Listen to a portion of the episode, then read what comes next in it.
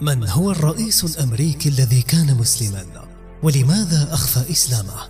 تابعونا لمزيد من المعلومات لمين بودكاست هو الرئيس الأمريكي أبراهام لينكولن وهو أكثر رئيس أمريكي تحاك حول هويته الدينية بالذات كثير من القصص والألغاز جرت الانتخابات يوم الثلاثاء 6 نوفمبر 1860 وفاز بها الحزب الجمهوري بقيادة أبراهام لينكولن ونائبه هانيبال هاملين.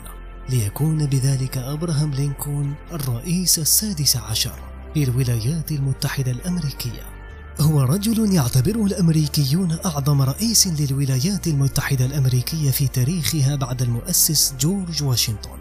يقول الكاتب جهاد الترباني عن حقيقة إسلامه وأقتبس. توصلت قبل عدة أيام فقط لمعلومات تاريخية موثقة تؤكد إلى حد كبير إسلام هذا الرئيس الأمريكي مع اعتراف الواضح بأن هذه المعلومات لا تثبت تمام الإثبات قضية إسلام أبراهام لينكولن إلا أنني رأيت فيها ما يؤكد ما توصلت إليه سابقا من معلومات.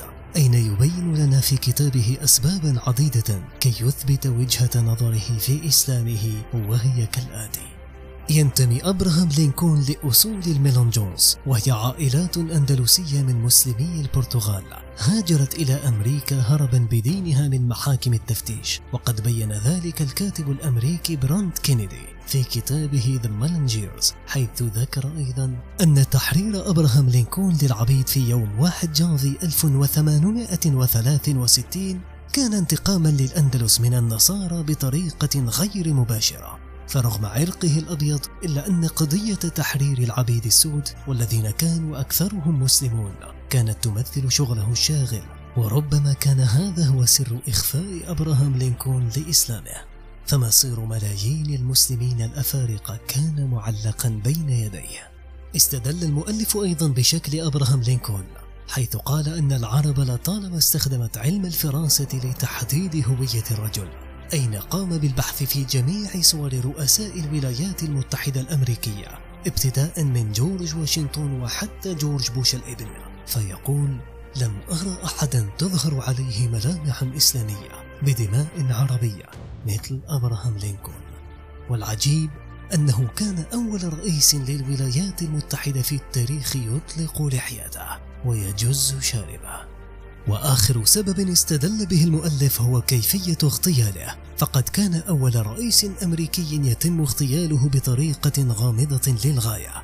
ولم يقتل في تاريخ الولايات المتحدة الأمريكية رئيس إلا هو ورئيس آخر اسمه جون كينيدي.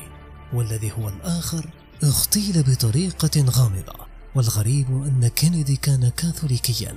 على عكس باقي الرؤساء الذين ينتمون للطائفة البروتستانية الإنجيلية. لهذه الأسباب رأى المؤلف أن الرئيس الأمريكي أبراهام لينكولن يستحق أن يضاف لقائمة العظماء المئة نظرا لإنقاذه لملايين الأرواح من العبيد المسلمين في الولايات المتحدة الأمريكية.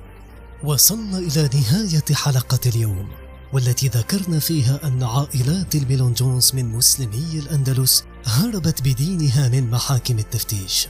فتابعوا معي في المقطع القادم لتروا بأنفسكم الأهوال الفظيعة التي لحقت بمسلمي الأندلس في محاكم التفتيش عندما كشف أمرهم. ومن هو القائد المسلم الذي وقف صامدا وقاد أهم ثورة قام بها المسلمون في الأندلس ضد الإسبان؟ لمين